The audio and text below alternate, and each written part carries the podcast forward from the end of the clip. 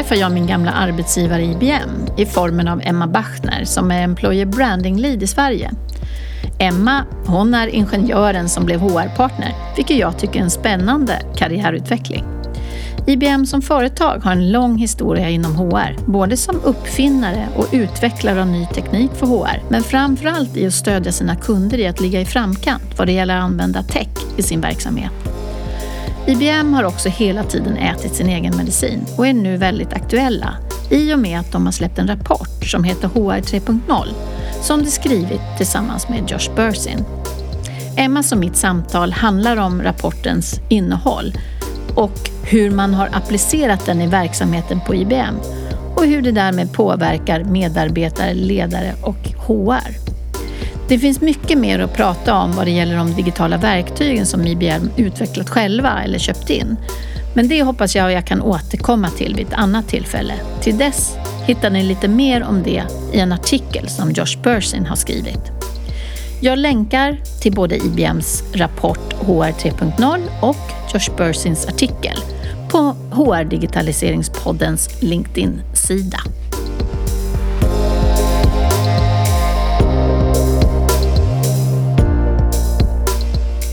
Innan dagens avsnitt sätter igång så skulle jag vilja passa på att tipsa om den HR-digitaliseringsutbildning som jag genomför tillsammans med People Provide just nu. I utbildningen så jobbar vi tillsammans över fem tillfällen där vi tar upp ämnen som generell digitalisering och den teknik som ingår, till exempel AI och blockchain. Vi har ett avsnitt som handlar om digitalt samarbete. Vi diskuterar leverantörer och hur man utvärderar leverantörer och avslutar med hur man driver ett projekt. Fler tillfällen kommer att genomföras med start i april och dessutom i augusti-september. Och mer information hittar du på People Provides hemsida. Den här utbildningen passar för alla inom HR, oavsett om du bara är nyfiken och vill lära dig mer eller om du ska vara kravställare eller driva ett eget digitaliseringsprojekt.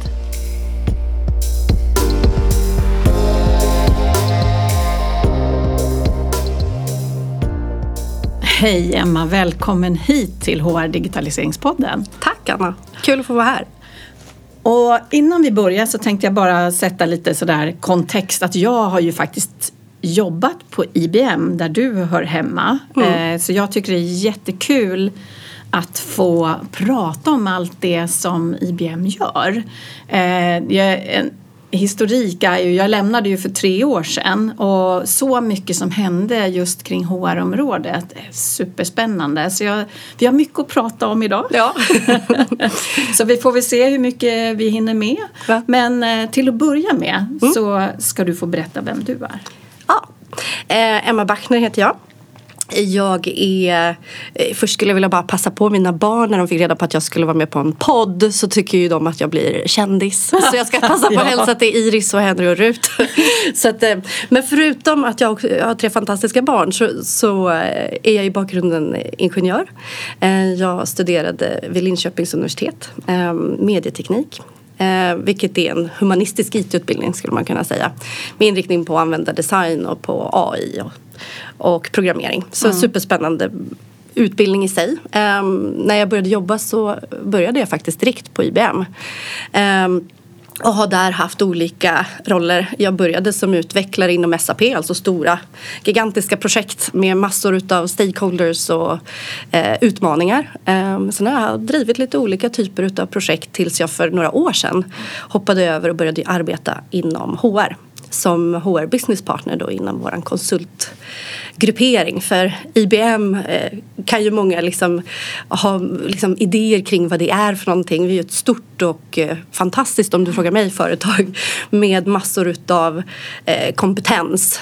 och vi har ju funnits väldigt, väldigt länge mm. och lyckats transformera oss igenom de utmaningar som vi har stött på. Som man stöter på som företag när samhället förändras och nya tekniker kommer. Och vi har legat i framkant om du frågar mig då. Mm. så lite, lite så färgad. Men i liksom att driva teknikutveckling. Så nu jobbar vi framförallt med molnlösningar. Vi vill jobba med AI. Vi har en väldigt eh, känd eh, AI-motor som heter Watson som finns i, i chatbots och implementerar på olika sätt. Och så jobbar vi såklart med säkerhet. Mm. Uh, så att, sen jobbar vi med massa andra saker så jag måste be om ursäkt till alla mina fina IBM-kollegor som sitter så här, men nu glömde de mitt område.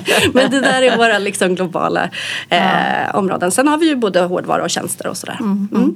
Men jättespännande att komma från en ingenjörsutbildning mm. till HR. Så vad fick dig att byta till, göra ett sånt hopp? Och sen att det är möjligt överhuvudtaget ja, tycker jag är spännande. eller hur. Det mm. måste jag ju verkligen tacka uh, IBM som organisation för. Den liksom, möjligheten. Ehm, ja, men generellt, jag, jag drivs ju av eh, Alltså om jag har en förkärlek till teknik, innovation och design så, så, drivs jag av att göra gott. Jag tror vi är många som gör det. Um, mitt exjobb skrev jag till exempel tillsammans med två andra studiekamrater kring att titta på hur man kunde göra lönekartläggningen som ett verktyg för organisationsutveckling. Mm. Alltså hur kan man titta på att göra den mer datadriven uh, och liksom genom analys och statistik se om man har osakliga uh, löneskillnader i, i sitt dataunderlag från löne, mm. lönekart, liksom lönekartläggningen. Då. Um, så jag drivs av att, att vilja använda det här till att, att göra mm, världen lite bättre. Och det tror jag man gör med människor i fokus mm. primärt. Det är människan som gör skillnad. Eh, det är inte AI i sig eller det är inte liksom molnet i sig mm. utan att det vi har människor liksom rustade med rätt information för att fatta rätt beslut. Liksom.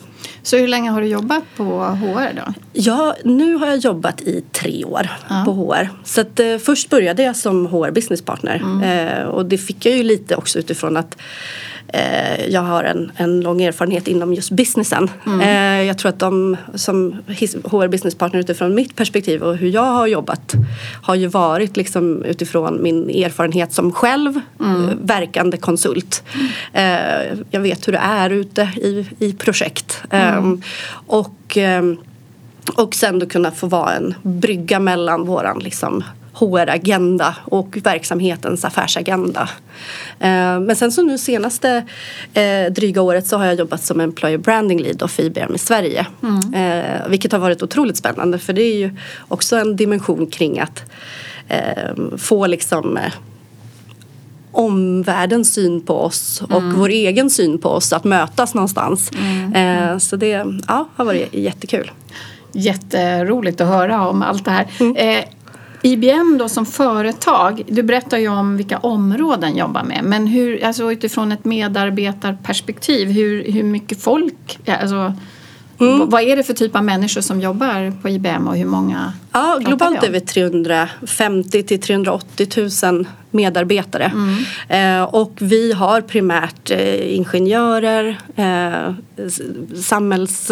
Men det är liksom hela spektrat. Alltså, mm. Eh, om man ser till att... Eh, jag tror att, vi, att man skulle kunna börja prata om eh, teknikfokuset som ändå de senaste 15, 13, 15 åren har skiftats från att vara någonting exklusivt för, för ingenjörer att fundera på mm. till någonting som berör alla i samhället oavsett om du är sjuksköterska eller psykolog eller, eller um, jobbar inom något annat område så, så berör ju tekniken dig uh, och eftersom vi har en strävan att jobba användarcentrerat med upplevelsen och liksom en affärsnytta för en person i verkligheten mm. så finns det också fler personer representerade på IBM som också kommer med erfarenhet från, eh, från liksom, eh, business i andra ja, områden eller vad man ska säga. Då. Mm, mm. Så, att, så att vi, visst, vi, våran tyngdpunkt ligger ju på utvecklare och på ingenjörer. Eh, vi, driv, alltså, vi driver och vill ju finnas med i framkanten utav teknik,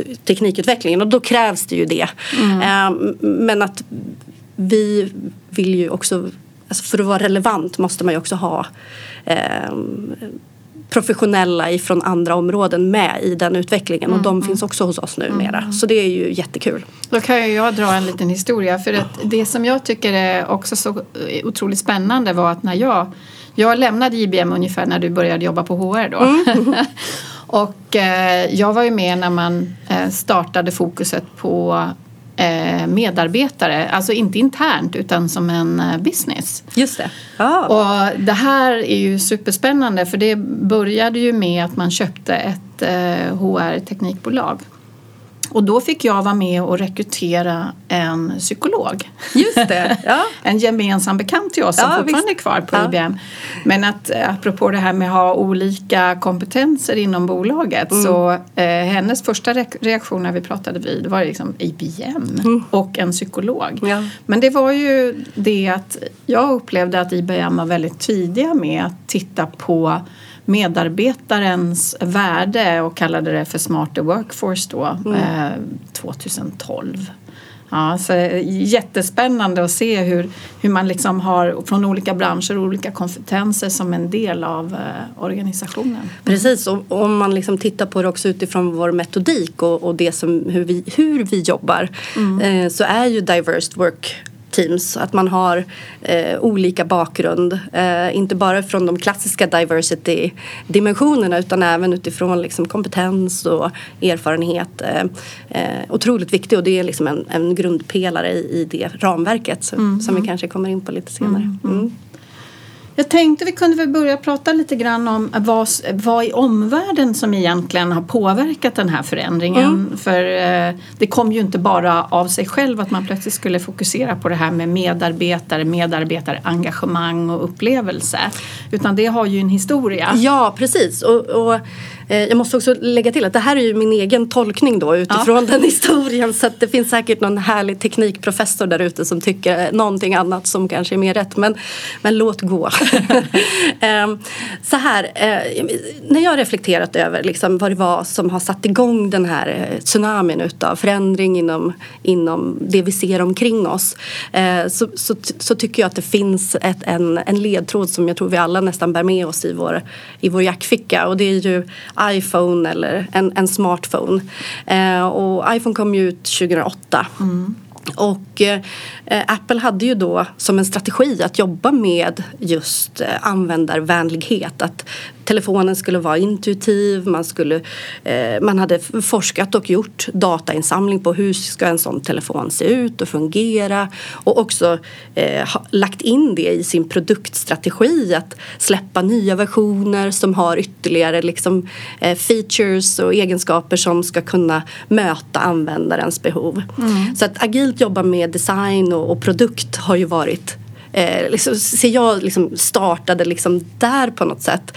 Ehm, eh, och utifrån att man liksom har jobbat med produkterna så kan man ju liksom flytta över det här till både tjänster och, och upplevelser. Eh, och det är väl under den här resan då, de här senaste 12 åren som just medarbetarupplevelsen också har liksom hakat på. För eh, pratar vi upplevelser och produkt och det man vill köpa så har vi en väldigt klok eh, senior vice president som de heter så flashigt på IBM men, eh, som heter Bridget van Krailingen. Eh, och hon har sagt att eh, den upplevelse som du får någonstans. Är den minsta förväntade upplevelsen som du förväntar dig liksom nästa gång? Någon annanstans.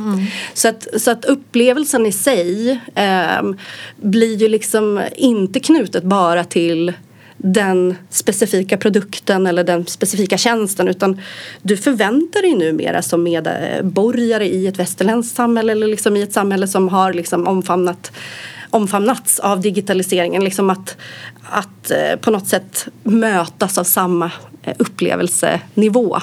Eh, hur menar jag? Jo, till exempel att på Netflix eh, så får du ju rekommendationer kring eh, den här serien tyckte Anna om och du och Anna verkar ju gilla samma grejer så Ja. du, du kolla på den här serien.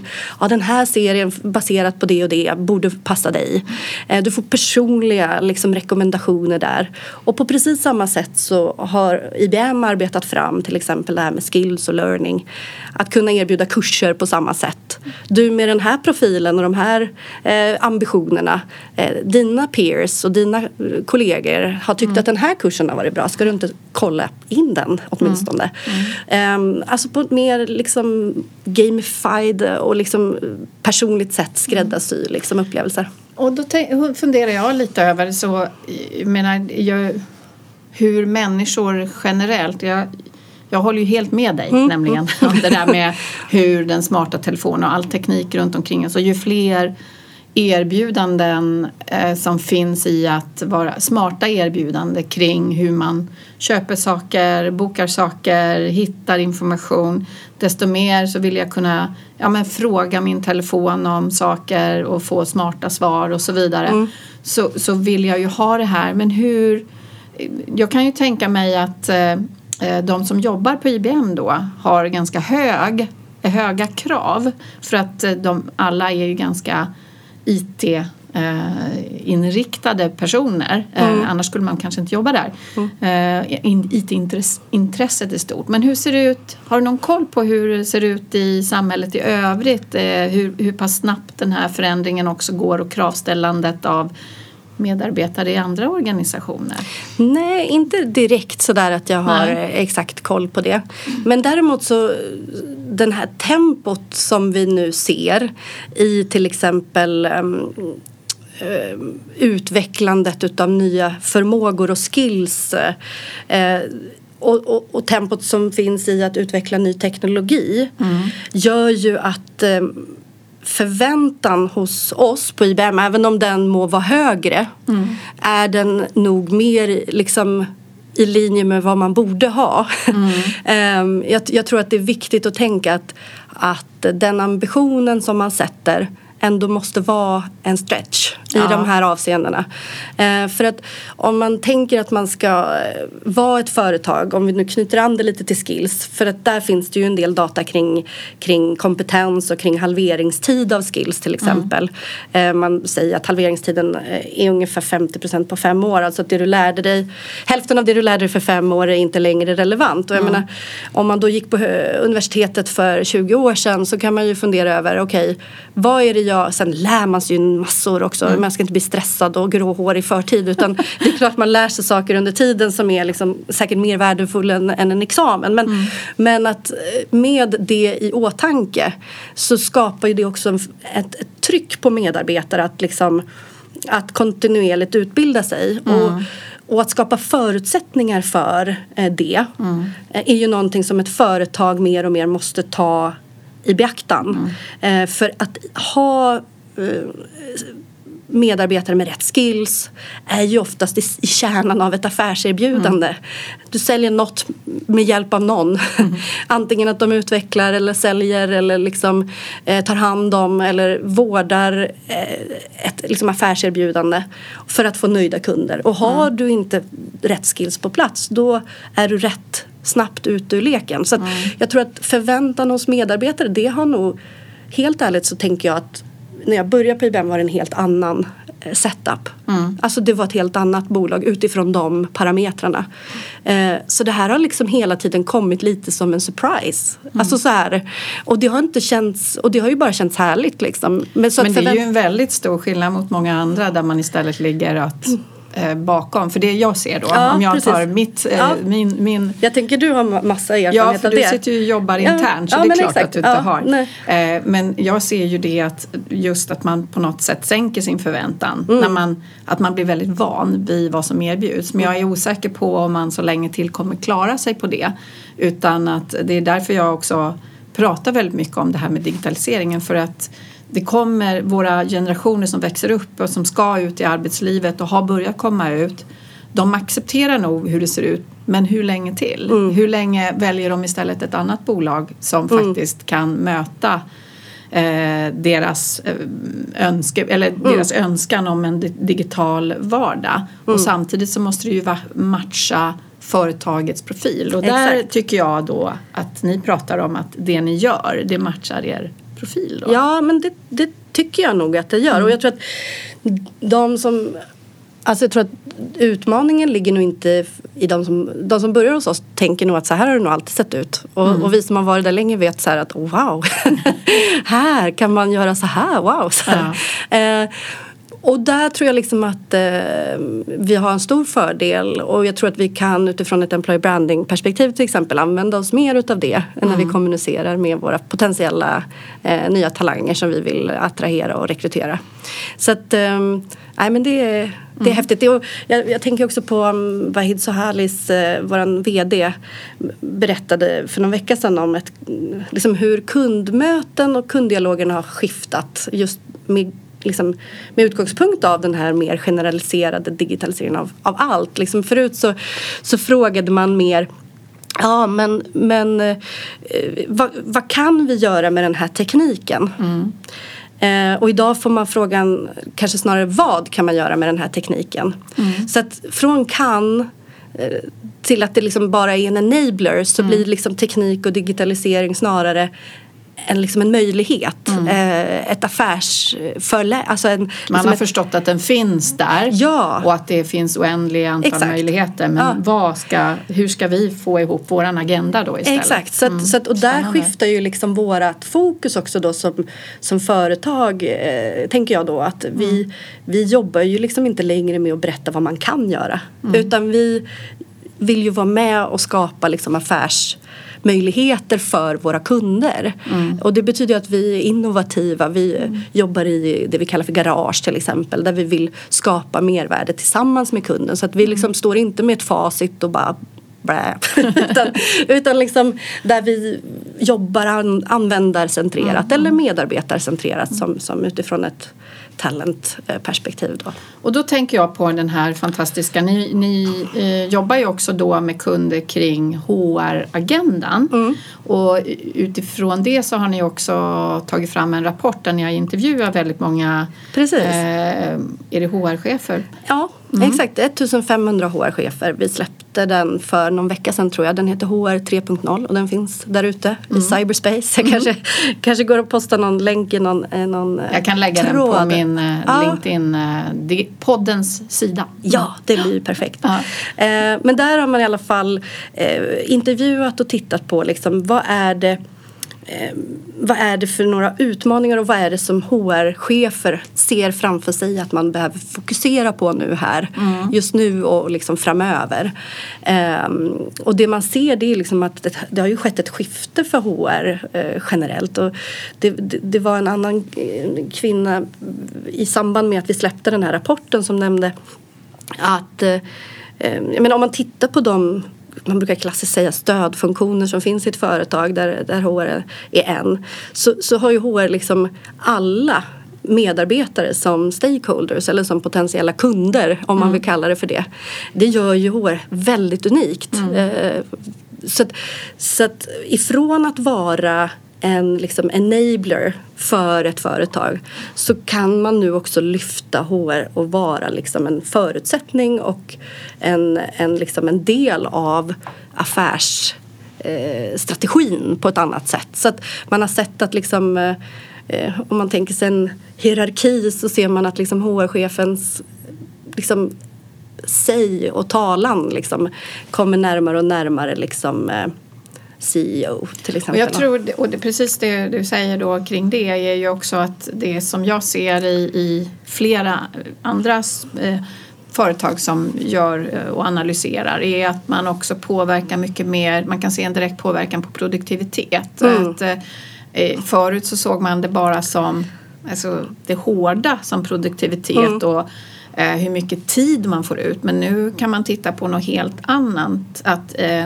värdet i individerna påverkar verkligen företagets resultat. Exakt. Och då ja. höjs ju eh, nivån och Exakt. synen ja. på HR-chefen och ledaren i som, som så otroligt mer viktig. Exakt, det är ju inte liksom en slump att det blev så utan det är Nej. ju verkligen att man har sett och det är ju vårt eh, forskningscenter då, eh, IBM eh, Institute for Business Value eh, som, eh, som har tagit fram siffror på att till exempel om du har engagerade eh, medarbetare i, i, i jämförelse till att du har bara nöjda så är de engagerade 44 procent mer produktiva. Mm. Men, men där kan man ju också se då att om du har inspirerade medarbetare som också själva känner att ah, men jag är med och påverkar, jag, jag liksom kan på något sätt jag är en del av verkligen det här mm. bygget utav den här kyrkan. Ni vet den där klassiska liknelsen, man bara lägger inte stenar i utan man bygger liksom någonting, en katedral mm. eller vad man brukar säga den där. Och de är 125 procent mer wow. produktiva. Så det är klart att det finns sprängstoff i medarbetarengagemang och eh, medarbetarupplevelse mm. och det är ju det som som HR måste fokusera på och det är liksom nummer ett också i den här rapporten. Mm. Eh, så, att, eh, så att det är ju verkligen jätteviktigt. Och eh, vad är då det? Liksom, hur fokuserar man på medarbetarupplevelsen? Och då, då tycker jag man ska liksom länka in det till liksom punkt nummer två som finns i den här rapporten mm. som handlar om just datadrivna och intelligenta arbetsflöden.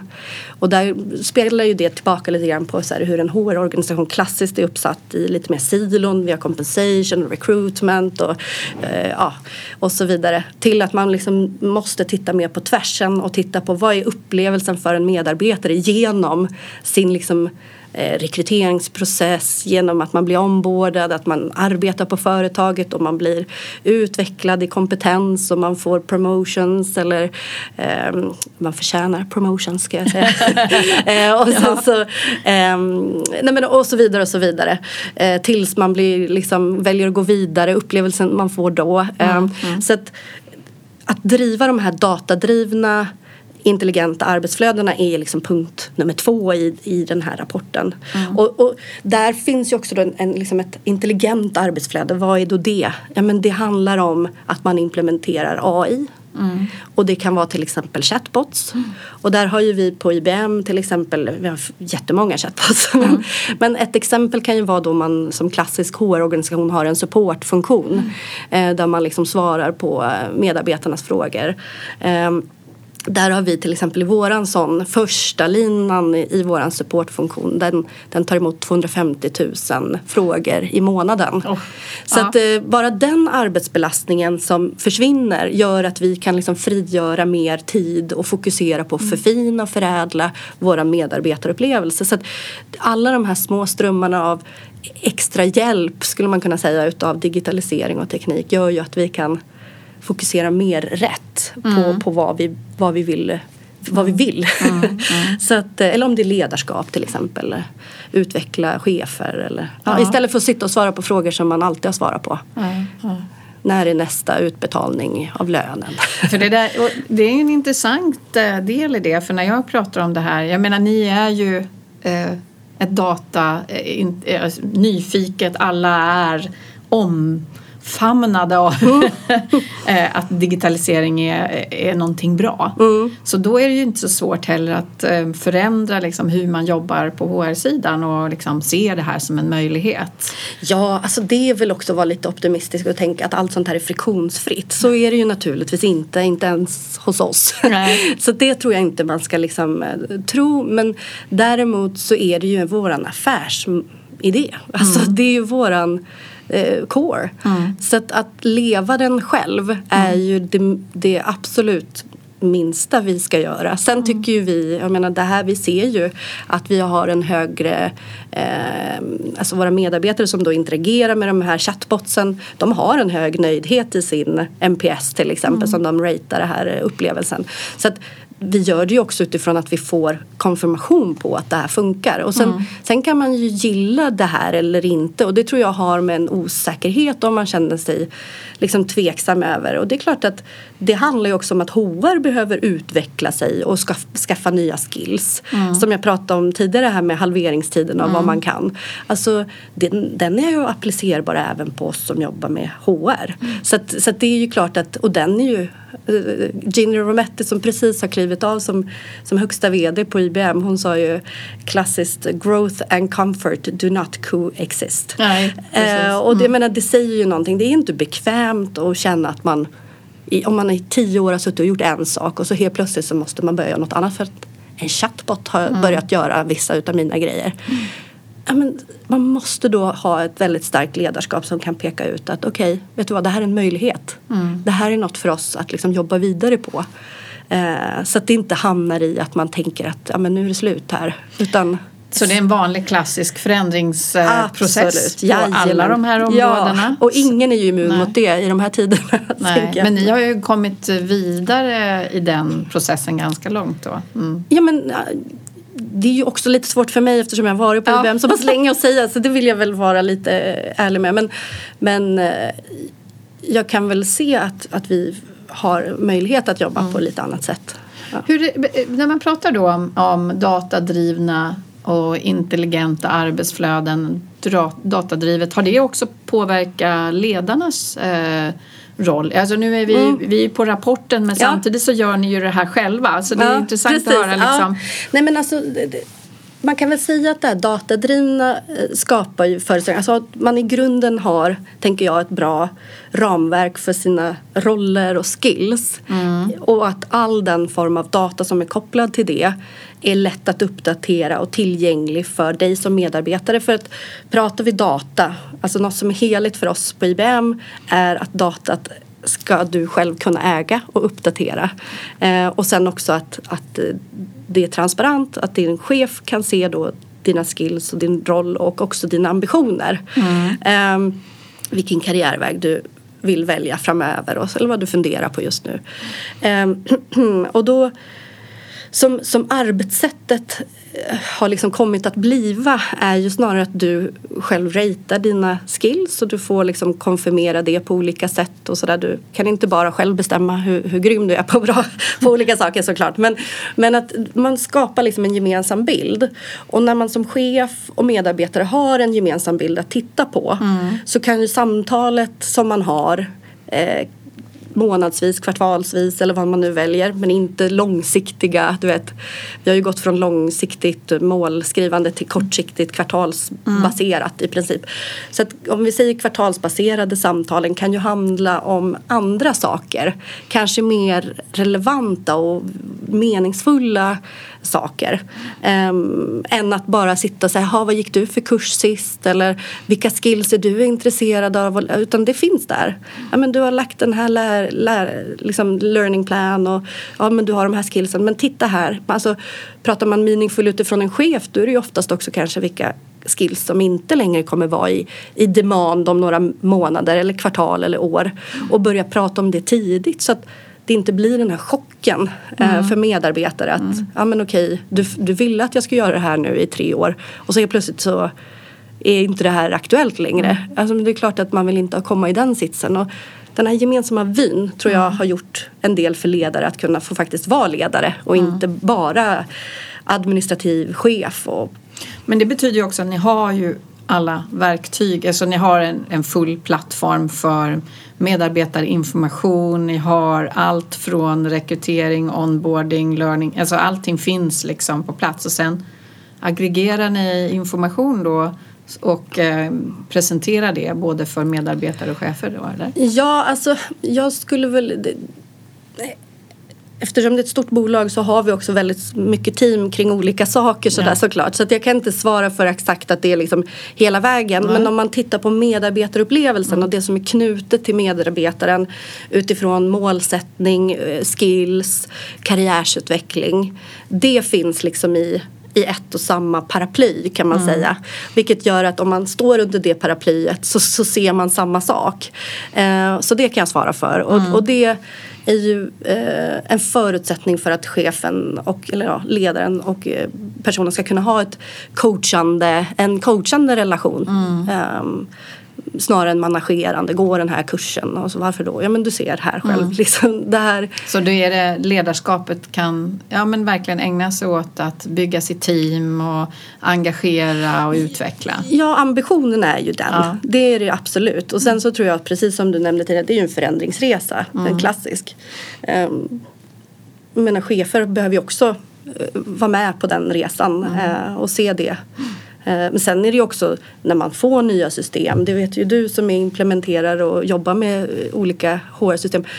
Ett, ett system implementeras ju inte utan att människor tycker att det är nya knappar att trycka på. Mm. Det är bökigt och det är ha så här, oj vad konstigt och det är massa. Men den typen av turbulens och eh, det möter ju alla som implementerar mm. IT-system. Mm. Jag tänkte på eh, i den här rapporten som vi utgår lite grann mm. ifrån eh, i samtalet så var det ju då transparens och ansvar som var en, mm. ett område om jag förstår rätt. Precis. Eh, ja men när det kommer till data och jag menar mm. det här är ju väldigt, det är ju data som handlar om ens inte, alltså den är ju helig, ja. tycker jag man ska se det som. Eh, så är det ju viktigt att, att man har transparens om vad det är man ser. Eh, och det finns ju också en kulturell eh, dimension av transparens kan jag tycka som handlar om liksom att du som medarbetare ska förstå hur du mäts och vad som är viktigt för dig i, din liksom, i styrningen utav verksamheten. Den yttersta, du vet när, en, när ett företag sätter liksom sin strategi och vision och det här liksom benas upp till olika eh, KPIer och till olika liksom, mätvärden och sådär så måste du ju också själv förstå hur det här, hur du jackar in i det här större mm. eh, liksom maskineriet. Eh, och där tänker jag att det här faktiskt skapar eh, alltså att det är positivt att man ändå liksom får det lite mer svart på vitt hur, hur mina skills, ja men jag ser att de är i decline. Ja men då kanske jag inte kan förvänta mig att få superstor lönök. Alltså, så här, ja. alltså man måste kanske försöka börja, mm. det, så är det inte hos oss nu. Men det här är mer en filosofisk liksom, ja. jag tror att man måste se det till hur kommer liksom omvärlden att se på på oss om några år. Liksom. Och där tror jag att integritet och, och, och datasäkerhet är otroligt viktigt. Mm. Um, och det är ju det vi liksom också säljer. Alltså kunna hantera, aggregera, mm. uh, läsa av data. Uh, jag vet också att ni också, som flera andra av de stora bolagen, jobbar mycket med det här med et etisk eh, AI ja, till exempel ja, som också är att visa upp vad gör egentligen. Ja. Det gick ju inte i början när man pratar AI. Nu mm. kan man visa upp hur beslut tas och liknande. Och det finns ju krav på det från, kring GDPR-regelverk ja, och så. Ja. Mm. Nej, men vi har ju superbra också där verktyg liksom i hur man kan och där tycker jag framförallt eh, eftersom jag har min passion för lön då, mm. och datadrivet att man ska kunna eh, titta på, på osakliga eller försöka hitta osakliga löneskillnader eller omotiverade. Mm. Eh, att där finns det ju också möjlighet för eh, företag att styra liksom, AI att tolka på ett sätt. För att AI är ju fantastiskt intelligent och jättekorkat på samma sätt. Liksom. Eh, det, det, finns ju exempel på när man till, liksom har gjort eh, urval i kandidater mm. där man har baserat då på ja, men vilka är det vi har rekryterat och så har de börjat leta efter det och så helt plötsligt så sitter man bara och som kanske teknikbolag man vill ha fler kvinnor men så har man bara de sista kandidaterna alltid bara män för det är så det brukar ha sett ut. Mm. Mm. Och så, så har liksom algoritmerna lärt sig att det är så här de vill att vi ska göra. Eh, men det blir ju då eh, helt galet liksom, output. Men då finns det olika sätt att hantera det mm. i att eh, dopa eller att man liksom inför det man vill uppnå så att man kan också använda AI på det mm. sättet som man vill. Så att det också följer liksom sina principer och Så man policies. får en inkluderande och diverse, vad heter det, mångfaldsgrupp. Ja. Precis som vi pratade om lite i början att man vill ha det. Ja. Som hos er. Ja men självklart är det så. Jag tror att jag menar, det ser man ju också att, att uh, diversified teams mm. presterar mycket bättre mm. än liksom, uh, grupper som tänker lika och har lika bakgrund. Så det är ju en affär, precis som det här med engagemang och, uh, och produktivitet, hur det hänger ihop så finns det ju också en, en, liksom en forskning som stödjer liksom att diversity leder till högre omsättning mm. och så vidare. Så att, det är klart att man vill ha det. Men det som det också gör på något sätt är väl att eh, ta bort eh, unconscious bias. Vilket jag mm. tycker är eh, jag menar, det är ju våran största akilleshäl i mänskligheten att vi så omedvetande mm. alla bygger upp bilder av förväntningar hur en Anna ska bete sig eller hur mm. en Mikael ska vara eller sådär. Och, och att på något sätt så kan vi ju få hjälp utav data och AI och teknologi att på något sätt komma bort från det och mm. se att de här två kandidaterna, nej men de är faktiskt de två mest lämpade baserat mm. på vad det är vi behöver. Mm.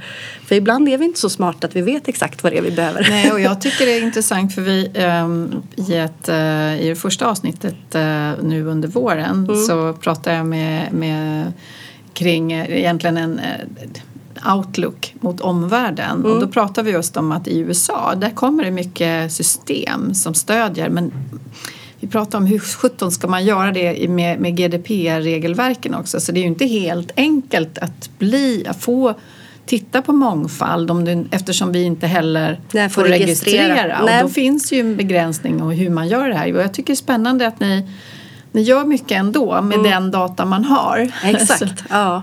För att det finns ju också det finns ju annan data att titta på men återigen det handlar ju om integritet av individen och det är ju tillbaka till eh, trust och integrity och vilket alltid måste komma hand i hand med, med data. Och det, det, jag, jag har flera ex, alltså rekommendationer på duktiga AI-etikpersoner som säkert kan komma hit och göra mycket bättre liksom, prat kring det. Men, men generellt så, så handlar det ju om att eh, etiken måste komma i första rummet liksom, i, i de här frågorna.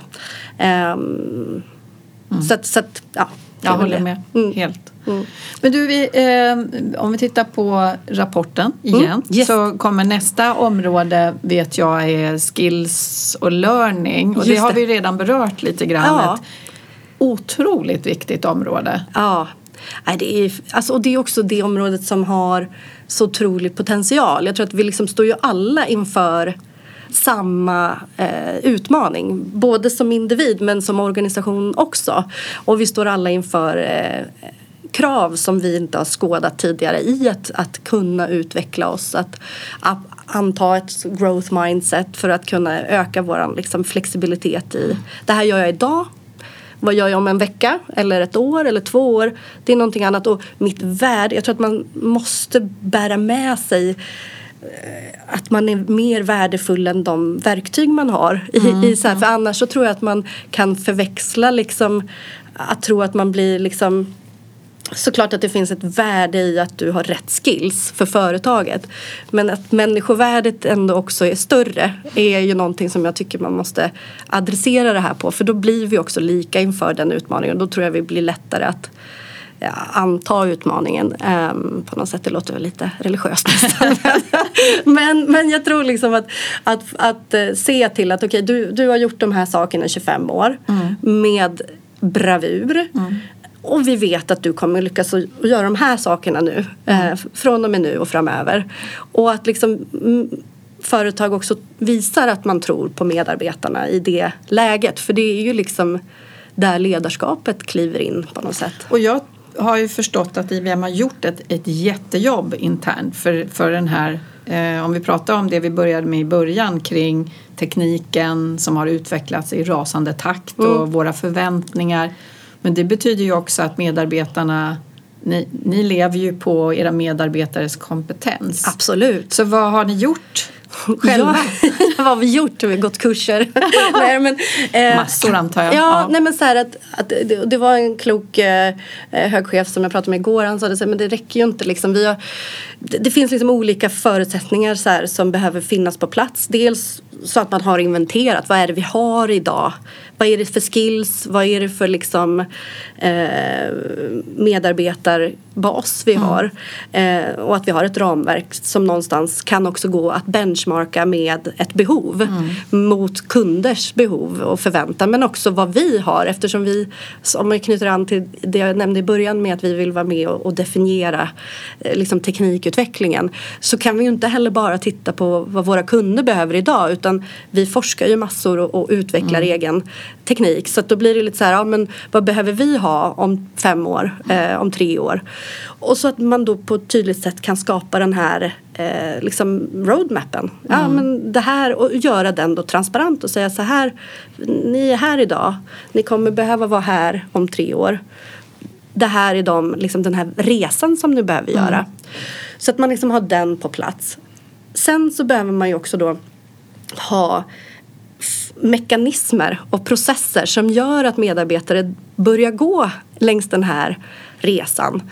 Och då, eh, då har vi ju dels stöpt om liksom våran eh, Ja, får jag ställa en fråga Ja, först om jag bara kom Ja, på? För ja, att kör. När man tänker på det här med vilka skills man har och Mm. vart man vill. Alltså där ser ju jag att många företag att de inte ser att det finns några verktyg för det. Eh, ut, men men det, ni gör det digitalt. Ja. Ja. Alltså hur menar du då att det inte Ja, finns men verktyg? alltså man gör ganska traditionellt. Man jobbar i workshops och Excel och skills. Alltså man jobbar inte mycket med Data Ja, liksom. Nej, inte på det området. Nej. Att det, även stora företag i Sverige gör inte det. Mm. Eh, utan man letar sätt Mm. att eh, komma fram till vilka har vi, vad kan de, Vart vill de? Alltså, vad, Ja. Och vad, är, vad vill vi ha? Exakt, ja. Alltså, vart ska vi Ja. som organisation? Och det här gör man väldigt manuellt. Ja, alltså helt ärligt Anna, det händer hos oss. Vi får det liksom som en input. Det här är våra skill Ni strategy. har verktyg. Vi har verktyg Ja. någonstans. Men det är, någon, det är lite... Ja, ja. nej men alltså det sätts ju på olika nivåer liksom. Och så översätter man ju det till, eh, till sin lokala liksom, arbetsaffärsenhet till exempel. Då. Och det kan ju vara att man gör det manuellt någonstans. eh, Så. Men, men poängen är att vi har samma. Det finns liksom inte en affärsledare i, så, om du är affärsledare inom ett område i Sverige och ett i Tyskland så är det samma. Och det är intressant för det finns ju verktyg nu men det är många, det, det har kommit nu. Ja. Så eh, jag som har outlook på, på vad som Ja, komma skall så, så har man det. Ja, men jag vill bara ta ja. det som parentes. Så du har det? Ja, du men- har informationen? Ja. men vi har informationen och det var intressant det du sa också att det liksom går ju in någonstans på liksom eh, vad vill jag som individ och vad vill jag, vi som företag? Och det kan ju ibland skilja sig lite grann. Och det är därför som vi också då har adopterat ett helt eh, nytt sätt med medarbetar och chefledarsamtal och, och har checkpoint som är liksom kvartalsbaserat och mer coachande. Eh, för att vi ser och forskningen visar att, att medarbetare som själva får definiera sina mål i linje med affärs, eh, affärsmålen såklart. Och det, det var ju också en sån här liten spännande utmaning i början när vi eh, initierade det här då kring liksom, ja, men jag kan ju sätta vilka mål jag vill. Nej, ja, jo, men vi driver ju den här affären. Att, liksom, att man eh, ändå skapar ett ägarskap eh, för medarbetaren att också sätta sig in i. Vad är det vi ska uppnå och hur passar jag in i det här. Att det inte kanske bara blir att man matar mål neråt, att man bara kopierar, ja ah, men det här är mina affärsmål på nordisk nivå och så bara skickar man ut den listan till sitt team liksom, utan att man pratar om dem, man, man, eh, men man skapar ett språk kring målen som också då går att eh, relatera till. Som, så det är liksom en viktig del utav det här ramverket också skulle jag vilja påstå. Att, att datan och att det finns på plats som ett fundament, att tekniken finns där. Det är ju liksom ett A. Men liksom ett B är ju verkligen att man har en kultur kring att prata om, om kompetensutveckling och så. Ehm, så, så att, ehm, jag Och sen avbröt jag dig Ja, när du började prata om hur får man människorna sen att lära sig nytt. Ja, just det. Så, så att det här samtalet är ju liksom en del då. Eh, att, man, att man har meningsfulla konversationer med sina eh, chefer och, och medarbetare såklart. Båda perspektiven är meningsfulla. Och jag tror också att man som ledare och coachande ledare ska tänka att medarbetarsamtalet är lika mycket till för min skull. Ibland så tror jag liksom att vi har lite klassiskt att man går dit och tror att "Ah, här kommer en medarbetare som vill prata med mig som är chef. Men jag tror att där, och speciellt med nya generationer, så ska man verkligen vara lyhörd som chef och förstå att jag går dit, jag får tid av min medarbetare här, en chans att förstå någonting om vår verksamhet som kommer göra mig till en bättre ledare. Eh, och, och där Ja, men jag, det finns mycket i det samtalet som är intressant och som jag tror man kan utveckla. Men sen också har vi ju satt tydliga mål på utveckling. Vi införde Think 40 för ett antal år sedan. Vad- vad är det? Det betyder att man ska ha gjort minst 40 timmars utbildning per år. Resultatet är att de flesta gör runt 60-70 timmar per år. Så det har ju liksom helt överskridit liksom. Och sen så har vi också breddat konceptet kring vad är utbildning och kurser och sådär. Vilket också belyser eh, lärandet i arbetet. Alltså att när du sitter och det är inte bara att gå på en kurs eller en konferens som gör att du samlar timmar så att säga. Utan du kan även visa att ja, men jag har ju gjort den här grejen. Jag satte som mål att jag skulle bli bättre workshopledare och nu har jag gått en kurs förvisso online men jag har också mm. hållit lite kurser som co-host eller co-coordinator eller någonting. Och så, så man får liksom en helt ny approach på lärande. Man ser och identifierar att lärandet sker i arbetet också. Vilket jag tror ger många lite hopp. Att man inte så här, tror att den här tsunamin är så otroligt stor. Och sen så har vi också gjort eh, gamified eh, hela liksom, upplevelsen kring skills och utbildning. Så vi kör badgar. Um, som är liksom att man får en ett litet simborgarmärke kanske man kan likna det vid. digitalt. Ett digitalt ja. simborgarmärke. Ja. Uh, nej men skämt åsido. Nu kan det... du simma 200 meter. Ja exakt. nej men att man kan samla och man, framförallt kan man visa upp det. Mm. Och det gör ju också, uh, jag tror att så här, postar man det man kan och det man lär sig på LinkedIn så visar vi också det som jag tycker är viktigt och liksom en stor fördel att jobba på IBM är ju våran liksom våran eh, utvecklingskapacitet mm. som vi kan mm. erbjuda potentiella medarbetare. Så att då visar ju vi genom att våra medarbetare delar att här kan man lära sig grejer. Liksom. Mm. Mm. Så att, ja, men det är väl de fyra områdena. Som, mm. mm. Sen eh, det sista området som finns med i den här rapporten och som ja. ni också jobbar med det är ju hur man hur hur arbetssättet, vilket arbetssätt man har. Ja, precis. Och det är ju egentligen, skulle jag säga, kanske den liksom, det bästa stället att börja. Man ser ju också i rapporten att eh, jag kommer inte ihåg hur många procent det var som, som säger så här, ah, absolut det här är det vi behöver göra. Om det var 70-80 procent eh, som sa att ja, men vi ser det här är det vi måste göra. Men eh, extremt få har liksom börjat med alla de här områdena. Eh, man ser inte riktigt hur man ska kunna ta till sig och börja med liksom den här upplevelsebaserade, medarbetarupplevelse eh, arbetssättet och så vidare. Mm. Och då är ju den här eh, design thinking och att arbeta agilt otroligt viktigt. För det blir ju den här det kan, man kan se det som en språngbräda in att börja titta på de här områdena lite mer um, ja, utifrån det. Liksom. Men då är det medarbetaren i centrum. Jag har ju mm. plockat, eh, jag har ju läst på lite grann ja. om just design thinking och jag fångar mycket kring det här med persona. Så att ja. man, man designar eh, modellpersoner i sin organisation. Ja men exakt. Mm. Och jag skulle också vilja bara innan, vi, liksom, innan man kanske går in på det lite mm. mer så, så tänker jag att design är ju, många har ju en relation till design. Mm. Vad är god design och vad är inte bra design? Och, eh, ofta ser man ju kanske framför sig en produkt eller en fantastisk klänning i Paris eller liksom någonting sånt. En snygg fåtölj hemma ja. hos någon kompis. Liksom. Eh, men, men som vi ser på design så är ju det snarare processen som leder fram till någonting. En upplevelse, en produkt eller vad mm. det nu må vara. Eh, så design är ju någonstans eh, det intentionen bakom eh, ett arbete som man har gjort. Mm. Eh, det betyder att det går att eh, bredda. Eh, för när vi då också har liksom infört det här arbetssättet så såg vi liksom att vi har alldeles för få klassiska det man kanske tänker på som designers. Så då bestämde vi att vi, vi tänker inte som att man måste vara designer för att kunna adaptera ett designtänkande. Vi behöver snarare ett ramverk och ett tankesätt som förenar oss allihopa att fokusera på eh, slutanvändaren eller medarbetaren då, som i vårt fall. Mm. Eh, och, och det här designtänkandet liksom har ett ramverk och principer och ett arbetssätt som, som gör att vi i vårt dagliga arbete eh, mycket mer fokuserat kan liksom lyckas uppnå de här punkterna som finns i den här listan. Då. Mm. Eh, och då är ju persona som du nämner en viktig del i det. Att man liksom identifierar och viktigt med persona är ju liksom att det handlar ju egentligen om att man ska skapa en empati för, för medarbetaren. Eh, jag tror att många som jobbar på HR redan har en väldigt god uppfattning om vilka är våra medarbetare, vilka är liksom stereotyperna, lite så.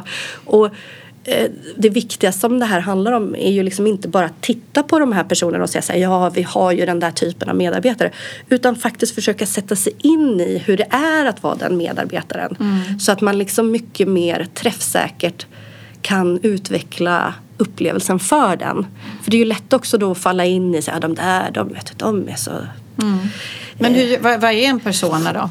Ja men det är som en arketyp kan man väl säga då men den är också stödd på data. Det är mm. ju inte heller att man på HR sitter och hittar på en person som liksom eh, ska representera mm. det man tänker att en medarbetare är utan att man också undersöker och förstår. Gör eh, service och eh, bjuder in medarbetarna också i arbetet. Mm. Eh, så att det inte blir att vi utvecklar upplevelser för någon och sen så bara tada! Utan mm. det här agila att man faktiskt gör korta sprintar och att man försöker komma fram till prototyper snabbt. Precis som inom mjukvaruutveckling i, i Men ni gör det här på HR? Och man gör det också i ku- kundmöten? Ja, framförallt i... så gör vi det ju i, hos um, Ja men, ja men så skulle man kunna säga. Alltså, Mm. Man kan alltid göra det mer. Man kan alltid eh, utveckla sådana här saker och det tar tid att Mm. etablera det som du vet att vi har bara ståmöten eller vi har bara Mm. eh, sprintar och sådär. Det tar tid att etablera nya arbetssätt. Det vi har är ett gemensamt ramverk. Jag kan säga att alla i den svenska HR-organisationen har certifierat sig inom design thinking då, fått ett simborgarmärke för design thinking eh, och agilt arbetssätt. Så, att, så att återigen att sätta de här målen som, som våra HR-ledare i Norden och i Sverige har gjort och säga att det här är viktigt för oss, så här måste vi börja jobba mer. Eh, och då blir det ibland liksom, ja men man sitter och man tänker så här, men hur ska vi göra den här grejen? Det gör vi ju varje år. Men vänta lite nu, kan vi göra det här med liksom perspektivet av medarbetaren. Hur skulle det här arbetet i så fall kunna läggas upp? Hur skulle vi kunna ti- titta på det här då? Eh, och det blir ju liksom bit för bit. Så det, det händer ju inte över en natt. Nej, det gör det inte. Nej. Men den här transformation, det, det är ju en transformation i, jag menar det är ju många som pratar om det, agila Ja. arbetssätt, det är en stor förändring Ja. för HR att förflytta sig från de här silotänket och processtänk till strategiskt, eh, ja, agilt. Men hur har den här transformationsresan gått på IBM då? Ja, vi har ju hållit på. Det började, vi, hade, vi fick en ny HR-chef eh, globalt i början av 2000-talet, 10-talet, någon gång där, Diane Gerson. Eh, som precis har klivit av och lämnat plats för två nya eh, HR-chefer. Men hon finns ju fortfarande kvar. Men hon, hon kickade ju liksom igång hela den här transformationsresan. Eh, och jag menar, det är klart att sitter man i en organisation i Norden så sitter man ju kanske inte i förarsätet för en transformation på IBM. Så är det ju. Det är liksom, och det, menar, det är ju samma situation för andra företag. Så det, det är liksom mer så här, handlar ju om att kunna Precis som om man liksom tänker utifrån målsättning och vision. Att kunna liksom artikulera och förstå och sen också förstå hur man själv passar in i den här nya liksom sättet att verka, bidra till affären, förstå hur vi ska kunna bidra till våra liksom, medarbetare och till våra chefer. Liksom. Det är klart att det är en resa. Eh, men jag upplever att jag menar, förutsättningen att vi har eh, IT som en, liksom en core eh, i det vi gör så, så så har de flesta är ju med på den resan. liksom så. Ehm, Hur har det påverkat? Jag menar, vi pratar ju mycket om att det här gör man för produktivitet, resultat, eh, företaget och medarbetaren då ska eh, känna sig inspirerad, engagerad och leverera och utvecklas och bara vilja göra det allt låter det som här. värsta drömmen, Ja, eller eller hur? Men vad är resultat? Vad har, vad, har ni några mätbara resultat på, på hur det här har tagits emot och vad som har hänt i organisationen? Ja, alltså det där är ju spännande för man kan ju mäta sånt här på så olika sätt och man kan härleda vissa saker och vissa saker kan man inte kanske se. Eh, det, vi, det man kan se är ju till exempel på vårt engagementresultat som ändå liksom trots att det är alla de här yttre liksom, utmaningarna och man liksom, de här skills, förväntningarna och sånt där så håller den sig stadigt lite uppåt. Liksom. Och det tycker jag så här med, i den omvärld vi lever i baserat på de eh, de utmaningar som finns för medarbetare i både sitt privata men också liksom i sitt arbetsliv och de utmaningar som finst så ty- tycker jag att det är väldigt bra. Eh, Sen så som sagt det är väldigt svårt för mig att uttala mig globalt hur det här liksom landar eller, eh, eller inte så det blir såklart mina personliga, alltså så här skulle jag resonerat kring det. Eh, men att det här är positivt utifrån vad liksom vårt forskningsinstitut säger och de siffror som finns där officiellt är ju eh, att det här arbetet skapar förutsättningar att fokusera på rätt saker och få medarbetare att bidra till affären på ett helt annat sätt än att kaskadera mål, trycka ner. Och vi kanske inte har sett resultatet Nej, än. jag För det här är ju en, Ja. eh, det är en lång... Ja. Ja. hon klev på början av 10-talet och Ja. sen eh, började skapa alla förutsättningar så är det ju nu som Ja, The Harvest. det finns ja, ja, men exakt. Och jag tror liksom att ehm, the story, ja, nej den är inte färdigskriven. Mm. Jag, liksom, eh, för, för bara liksom ett halvår sedan, ett år sedan så klev liksom learning och, och, och development ihop liksom i en del. Vilket gör att du har liksom hela lärning, liksom utbildningsplattformen och liksom karriärsplattformen i ett. Vilket är fantastiskt. Och makes sense liksom. Så att även om man har hållit på så pass länge så kan det ju komma sådana här liksom, grejer. Så man känner såhär yes men nu så. Det, är- ja, det är ju ofta uppdelat. Ja. Så det, det är sant. så att, men det är klart att det borde vara ihop liksom. Så att det, ehm, för du vill ju lära dig något för att sen kunna liksom koppla det till din nästa roll som eller liksom, ja vad det nu kan vara. cirkel. Ja. Så att eh, det där arbetet är ju agilt och, och lite i det här design thinking handlar ju om att man aldrig blir klar. Det är ju liksom lite det här lean five whys. Man liksom hela tiden liksom kring design thinking handlar det ju om liksom att du ska ju liksom identifiera användaren, personan, empatisera för det. Och sen utröna vilka behov den har. Och, och inte bara skrapa på ytan utan verkligen som gräva. och, eh, och där så går det ju liksom in i de här andra fantastiska liksom, eh, idéerna kring liksom lean eh, Five Whys och Kaizen, eh, ständiga förbättringar. Och det är ju också som med design thinking, det här loopen som vi har, liksom att hela tiden eh, tänka på det man når fram med som en prototyp, inte som ett färdigt resultat. Utan det här är första versionen utav upplevelse. Hur ska vi förbättra den? Det är ju det som gör det så spännande.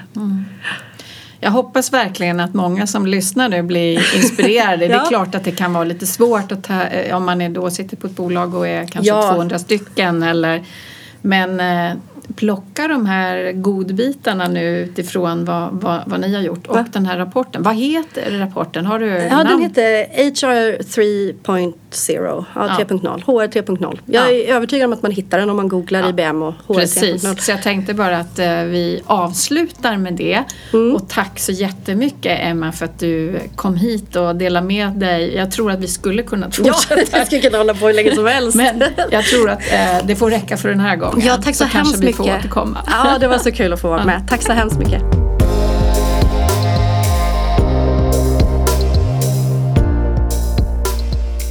Vad kul att du lyssnade på det här avsnittet av HR Digitaliseringspodden. Jag som driver podden heter Anna Karlsson och jobbar till vardags som konsult, projektledare och inspiratör inom området digitalisering med framförallt inriktning på HR, medarbetare och ledare. Som alltid vill jag gärna ha tips och råd på teman och personer till podden och då hör du av dig till mig på anna.hrdigitaliseringspodden.se eller så hittar du mig på LinkedIn via HR Digitaliseringspoddens egna sida. Hoppas vi hörs snart igen.